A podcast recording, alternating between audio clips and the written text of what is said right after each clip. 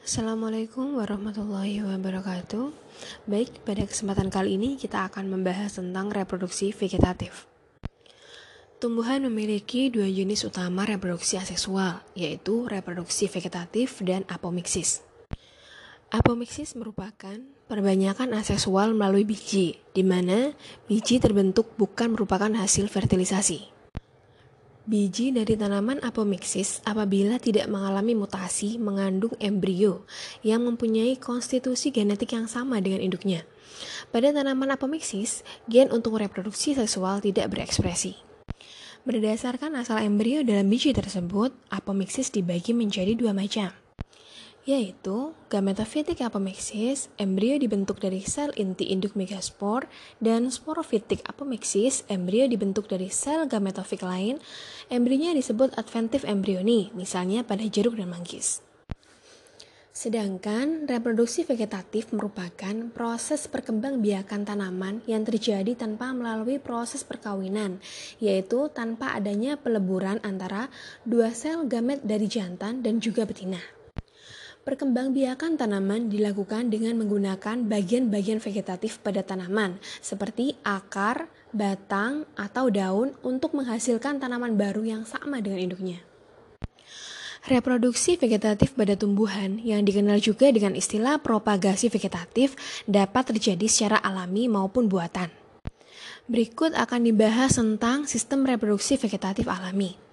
Sistem reproduksi vegetatif alami adalah sistem reproduksi tumbuhan secara tidak kawin yang terjadi secara alami tanpa adanya campur tangan dari manusia. Tumbuhan yang memiliki sistem reproduksi vegetatif alami akan berkembang biak dengan atau melalui bagian-bagian dari tumbuhan tersebut, yaitu bisa dari batang, akar, daun, atau bahkan bunga. Berikut kita akan membahas tentang masing-masing organ tanaman yang digunakan tanaman dalam melakukan reproduksi vegetatif alaminya. Yang pertama, reproduksi atau propagasi vegetatif melalui batang. Propagasi vegetatif melalui batang dapat berupa stolon, stem tuber, bulbus, rhizome, dan corms. Stolon atau runner Stolon merupakan batang yang tumbuh secara menjalar dan terletak di atas tanah, dan juga merupakan bagian dari batang utama.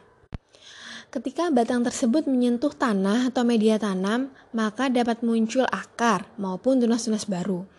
Setelah beberapa waktu, stolon yang telah terdapat tunas-tunas baru ini akan bertumbuh secara memanjang, semakin menjauhi induknya, lalu membengkok ke atas, sehingga terbentuklah individu baru. Contoh tumbuhan yang berkembang biak dengan memanfaatkan stolon adalah tumbuhan stroberi, arbei, dan juga rumput teki. Selanjutnya yaitu stem tubers atau umbi batang. Stem tuber atau biasa disebut juga sebagai umbi batang merupakan suatu bentuk batang yang cukup besar karena mengalami pembengkakan di bawah tanah. Karena batang ini memiliki fungsi untuk menyimpan cadangan makanan.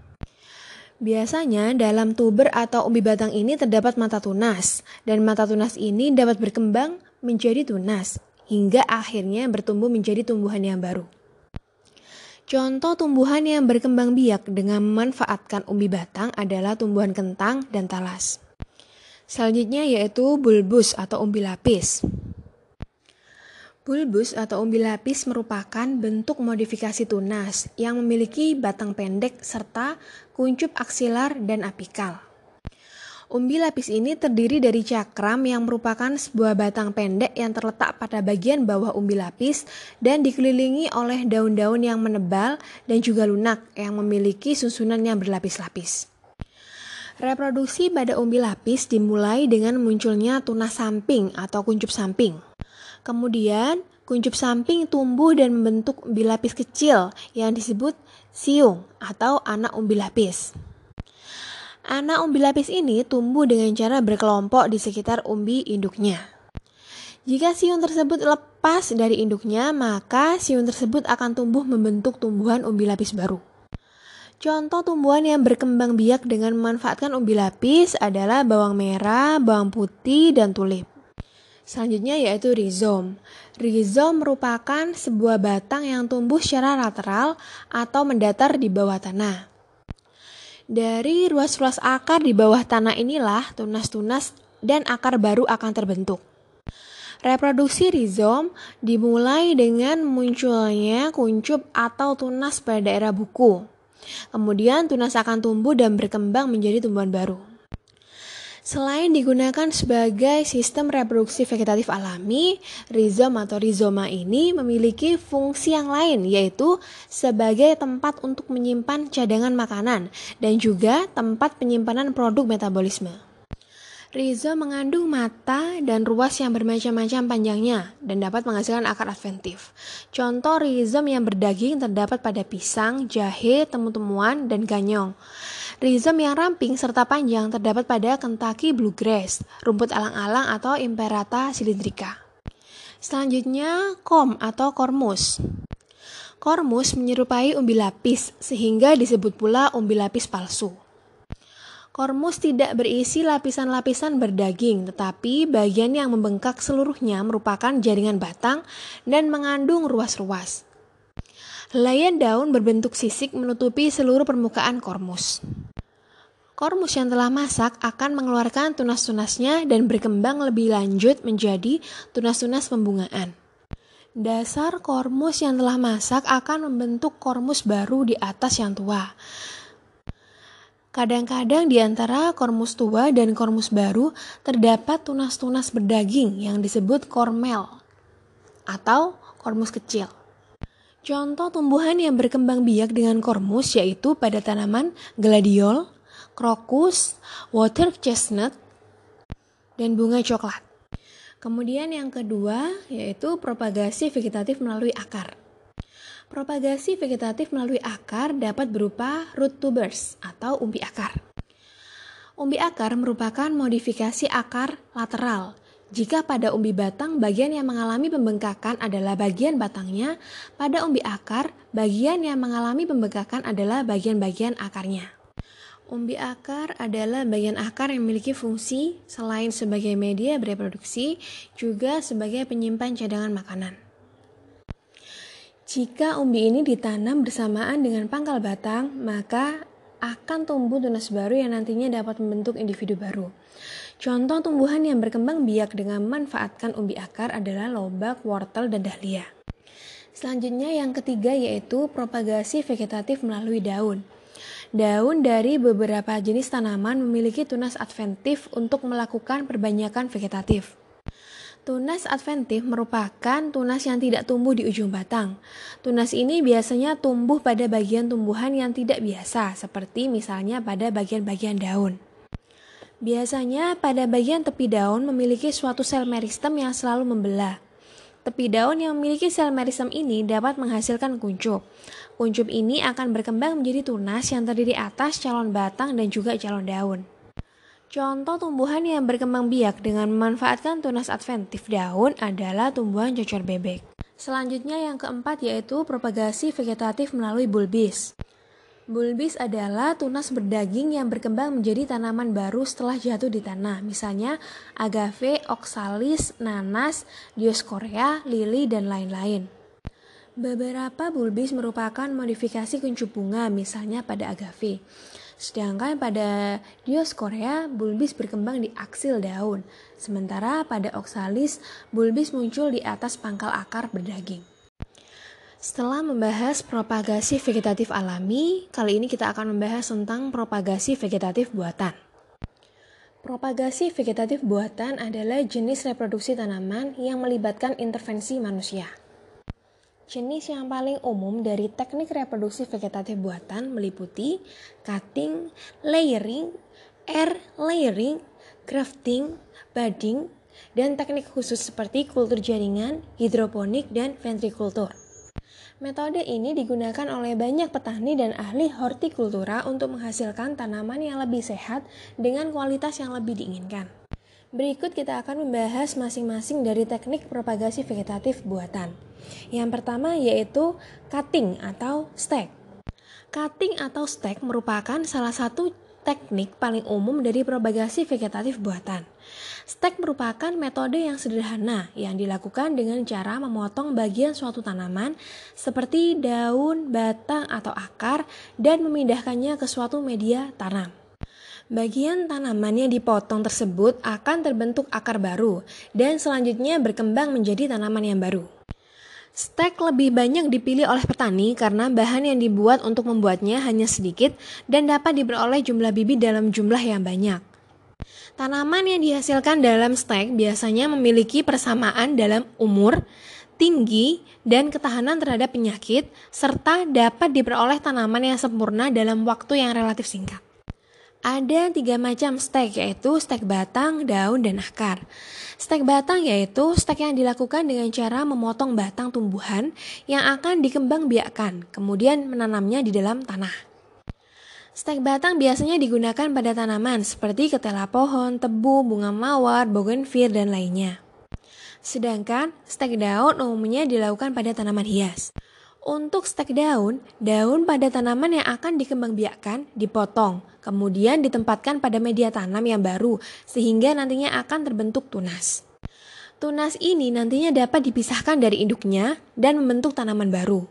Stek daun biasanya digunakan pada tanaman seperti cocor bebek, begonia, sensifera, kaktus, lidah buaya. Sedangkan stek akar merupakan stek yang dilakukan dengan cara memotong akar tanaman yang ingin dikembangbiakkan, kemudian ditempatkan akar tersebut di media tanam yang baru. Stek akar biasanya digunakan pada tanaman seperti lemon, asam, blackberry, raspberry, dan lainnya. Teknik propagasi vegetatif yang kedua yaitu layering atau merunduk. Membiarkan vegetatif dengan cara merunduk sering juga disebut dengan cangkok tanah, cangkok runduk, atau memumbun. Layering atau merunduk adalah proses pembiakan vegetatif buatan yang dilakukan pada tumbuhan bercabang panjang dengan merundukannya ke tanah. Jadi, batang tanaman itu ditundukkan ke tanah agar dapat berkembang biak. Layering dilakukan dengan cara pembengkokan atau pelengkungan cabang, di mana sebagian cabang tersebut dibenamkan dalam tanah. Dari ruas-ruas cabang atau batang tanaman tersebut akan tumbuh akar dan menjadi tanaman yang baru. Setelah akar dibentuk cukup banyak dan cukup dewasa, dapat dilakukan pemotongan cabang-cabang dari induk tanaman, dan hasil tanaman runduk ini dapat segera dipindahkan. Untuk melakukan cara perkembangbiakan merunduk, maka sebuah tanaman harus memiliki cabang yang panjang, lentur, dan letaknya dekat dengan tanah. Ada beberapa jenis layering, yaitu tip layering. Tip layering dibuat dengan meletakkan seluruh ujung cabang sedalam 2,5 cm sampai 5 cm. Tunas baru akan tumbuh menembus tanah dan akar-akarnya akan dibentuk dekat ujung cabang. Contoh tanaman yang biasa dibiarkan dengan cara ini adalah tanaman yang batangnya mudah dirundukkan, seperti beri dan murbei. Cara ini sebaiknya dilakukan pada akhir musim panas dan akan membentuk akar dalam waktu 2-3 bulan. Jenis layering selanjutnya yaitu serpentin atau compound layering. Pada serpentin layering, cabang dilenturkan memanjang dan ditutup dengan tanah pada beberapa tempat sehingga cabang tersebut berselang-seling berada dalam tanah dan timbul di atas tanah. Bila tunas baru telah berkembang pada bagian-bagian yang timbul, dan akar telah berkembang pula pada setiap bagian yang tertutup tanah, tanaman baru dapat dipisahkan dari induk tanaman. Contoh tanaman yang dibiarkan dengan cara ini yaitu anggur dan tanaman hias seperti klematis, ficus pumila, dan lainnya. Jenis layering selanjutnya yaitu trench atau continuous layering. Pada trench layering, bagian pangkal dan tengah dari cabang ditempatkan dalam parit yang dangkal kurang lebih 5 12,5 cm, baru kemudian ditimbun. Keuntungan dari cara ini yaitu setiap cabang menghasilkan banyak tanaman, tetapi sulit mendapatkan tanaman kuat dalam waktu yang relatif pendek. Tanaman yang dibiarkan dengan cara ini yaitu seperti cherry, plum, batang bawah dari apel, mawar, dan semak deciduous. Jenis layering yang lainnya yaitu mound atau stool layering. Pada mound layering dilakukan pemotongan batang utama setinggi 5-10 cm di atas permukaan tanah. Kemudian dilakukan pembumbunan dengan tanah yang cukup lembab pada pangkal tunas-tunas baru yang telah dibentuk. Sehingga bumbunan tersebut mirip setengah lingkaran. Pangkal tunas yang baru tertutup tanah akan menghasilkan akar dan tunas-tunas baru yang berakar ini boleh dipisahkan dari induk tanaman. Contohnya yaitu pada chrysanthemum, gooseberry, karen, quince, dan lainnya. Teknik propagasi vegetatif buatan yang ketiga yaitu air layering atau cangkok. Cangkok merupakan salah satu jenis perbanyakan tanaman dengan cara menumbuhkan akar sebelum batang dipotong dan ditanam. Cangkok merupakan suatu cara perkembangbiakan pada tumbuhan dengan cara mengupas suatu kulit tanaman berkayu yang kemudian dibalut dengan tanah dan dibungkus dengan plastik sehingga tumbuh akar. Jika bagian kulit yang terkelupas telah terbentuk akar, maka tangkai tersebut dapat dipotong dan ditanam dalam tanah. Tanaman yang dapat dicangkok adalah tanaman yang mempunyai batang berkayu dan berkambium, seperti jambu, rambutan, dan mangga. Cara ini dilakukan untuk meminimalisasi tingkat kegagalan dalam perbanyakan tanaman. Cara ini dipilih untuk menghasilkan tanaman baru yang memiliki sifat persis seperti induknya. Sifat ini seperti ketahanan terhadap hama dan penyakit, rasa buah, dan keindahan bunga. Hal ini karena hasil cangkok bisa dikatakan hampir 100% serupa dengan induknya. Teknik propagasi vegetatif buatan yang keempat yaitu grafting atau sambung. Grafting merupakan teknik perbanyakan tanaman yang dilakukan dengan cara menggabungkan antara batang bawah dan batang atas dari dua tanaman berbeda, sehingga diperoleh sebuah tanaman dengan sifat yang baru. Tujuan teknik grafting ini adalah untuk menggabungkan dua sifat unggul dari individu yang berbeda. Seperti halnya untuk menyokong tumbuhan dibutuhkan jenis tumbuhan yang memiliki akar kuat. Sementara untuk menghasilkan buah atau daun atau bunga yang banyak dibutuhkan tumbuhan yang memiliki produktivitas tinggi. Tanaman yang diambil sistem akarnya disebut stok dan cabang tanaman lain yaitu yang akan disambung yang digunakan sebagai sistem tunas disebut scion atau batang atas. Sayen biasanya dipilih dari tanaman yang memiliki karakter unggul. Tanaman dari genus yang sama dan spesies yang sama meskipun varietasnya berbeda biasanya dapat dilakukan grafting.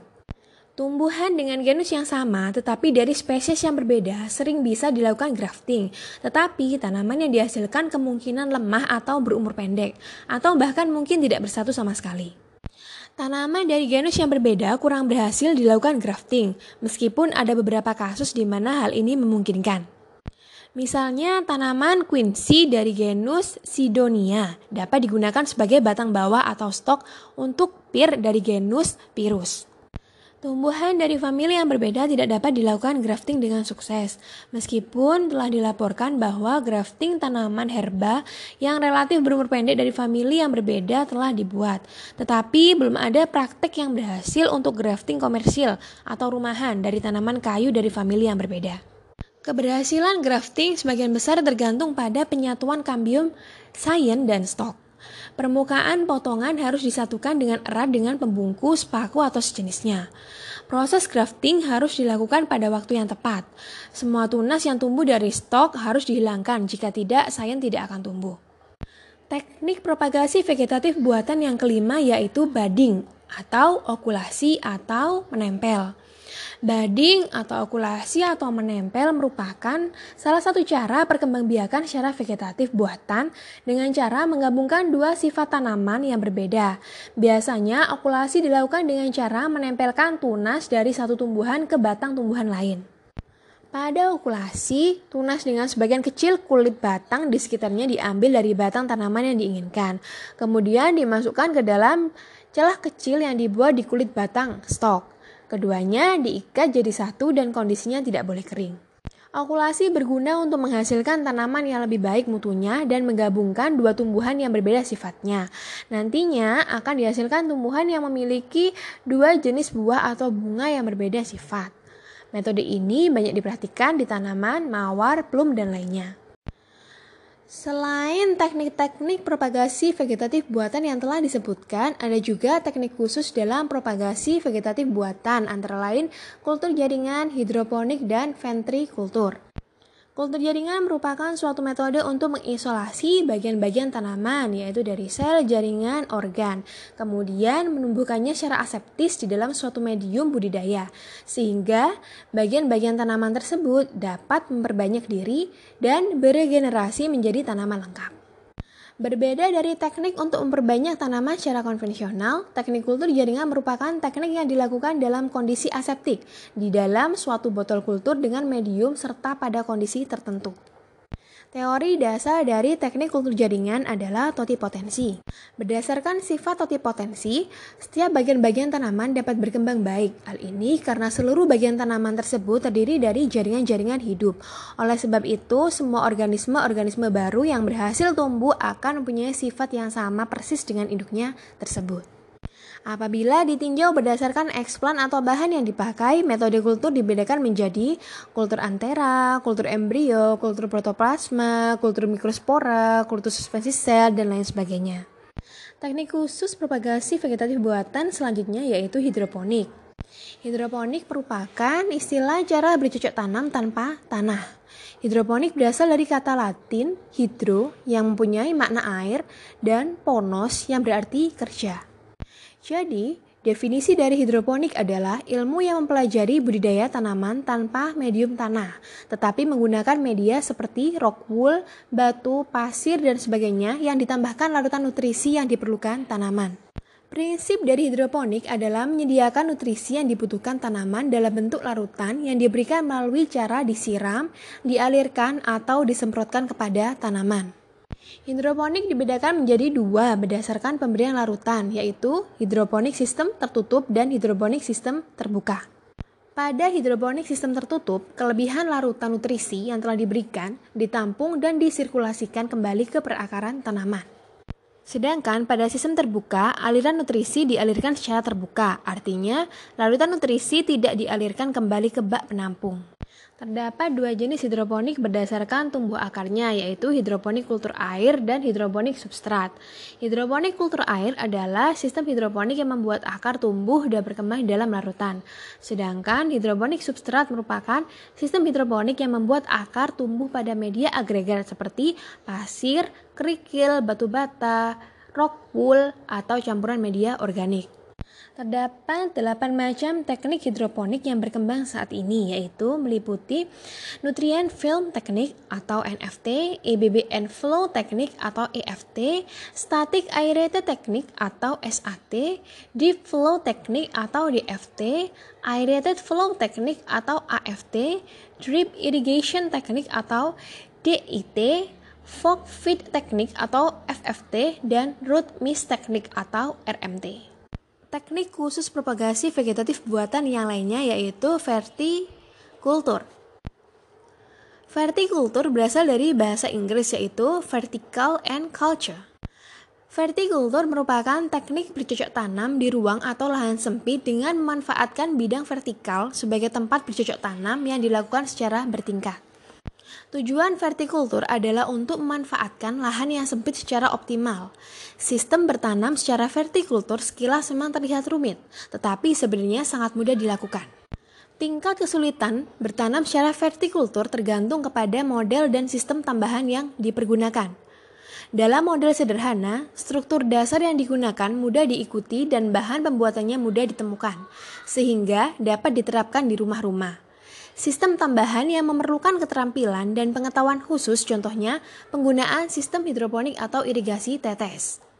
Pertanian vertikultur tidak hanya sebagai sumber pangan tetapi juga menciptakan suasana alami yang menyenangkan. Model, bahan, ukuran, wadah vertikultur sangat banyak, tinggal disesuaikan dengan kondisi dan keinginan. Pada umumnya adalah berbentuk persegi panjang, segitiga atau dibentuk mirip anak tangga, dengan beberapa undak-undakan atau sejumlah rak. Bahan dapat berupa bambu atau pipa paralon, kaleng bekas, bahkan lembaran karung beras juga bisa digunakan. Karena salah satu filosofi dari vertikultur adalah memanfaatkan benda-benda bekas di sekitar kita. Persyaratan vertikultur adalah kuat dan mudah dipindah-pindahkan. Tanaman yang akan ditanam sebaiknya disesuaikan dengan kebutuhan dan memiliki nilai ekonomis tinggi, berumur pendek, dan berakar pendek. Beberapa model teknologi vertikultur yang dapat diterapkan adalah vertimina ponik. Vertimina ponik merupakan kombinasi antara sistem budidaya sayuran secara vertikal berbasis pot talang plastik dengan aquaponik atau budidaya ikan atau dengan kata lain integrasi antara budidaya sayuran dengan ternak ikan. Media tanam yang digunakan adalah batu zeolit dan kompos. Yang kedua yaitu volkaponik yang merupakan sistem budidaya sayuran yang juga diintegrasikan dengan ternak ikan. Prinsip dari volkaponik sama dengan vertiminaponik. Yang membedakan adalah sistem budidaya sayuran yang menggunakan pot-pot dan disusun sedemikian rupa membentuk taman vertikal, sehingga disebut volkaponik yang berasal dari kata wall gardening dan aquaponik. Media tanam yang digunakan adalah batu zeolit dan kompos. Yang ketiga yaitu model wall gardening yang merupakan sistem budidaya tanaman memanfaatkan tembok atau dinding yang kosong. Beberapa model wall gardening meliputi yang pertama, wall gardening model terpal. Bahan yang digunakan adalah terpal yang dibentuk seperti tempat sepatu. Media tanam digunakan adalah campuran tanah, sekam, dan kompos atau pupuk kandang. Yang kedua, wall gardening model paralon. Bahan yang digunakan adalah paralon atau bambu yang dilubangi sebagai tempat tumbuhnya tanaman. Media tanamnya adalah campuran tanah, sekam, dan kompos atau pupuk kandang. Yang ketiga, wall gardening model pot plant. Bahan yang digunakan adalah pot dengan rangka besi atau balok sebagai penyangganya. Media tanam yang digunakan adalah campuran tanah, sekam, dan kompos atau pupuk kandang. Yang keempat yaitu wall gardening model partisi atau modul. Bahan yang digunakan adalah agropro dan besi sebagai penyangganya. Media tanam yang digunakan adalah kokopit dan pupuk kandang atau kompos. Sekian untuk pembahasan reproduksi vegetatif kali ini. Terima kasih atas perhatiannya. Wassalamualaikum warahmatullahi wabarakatuh.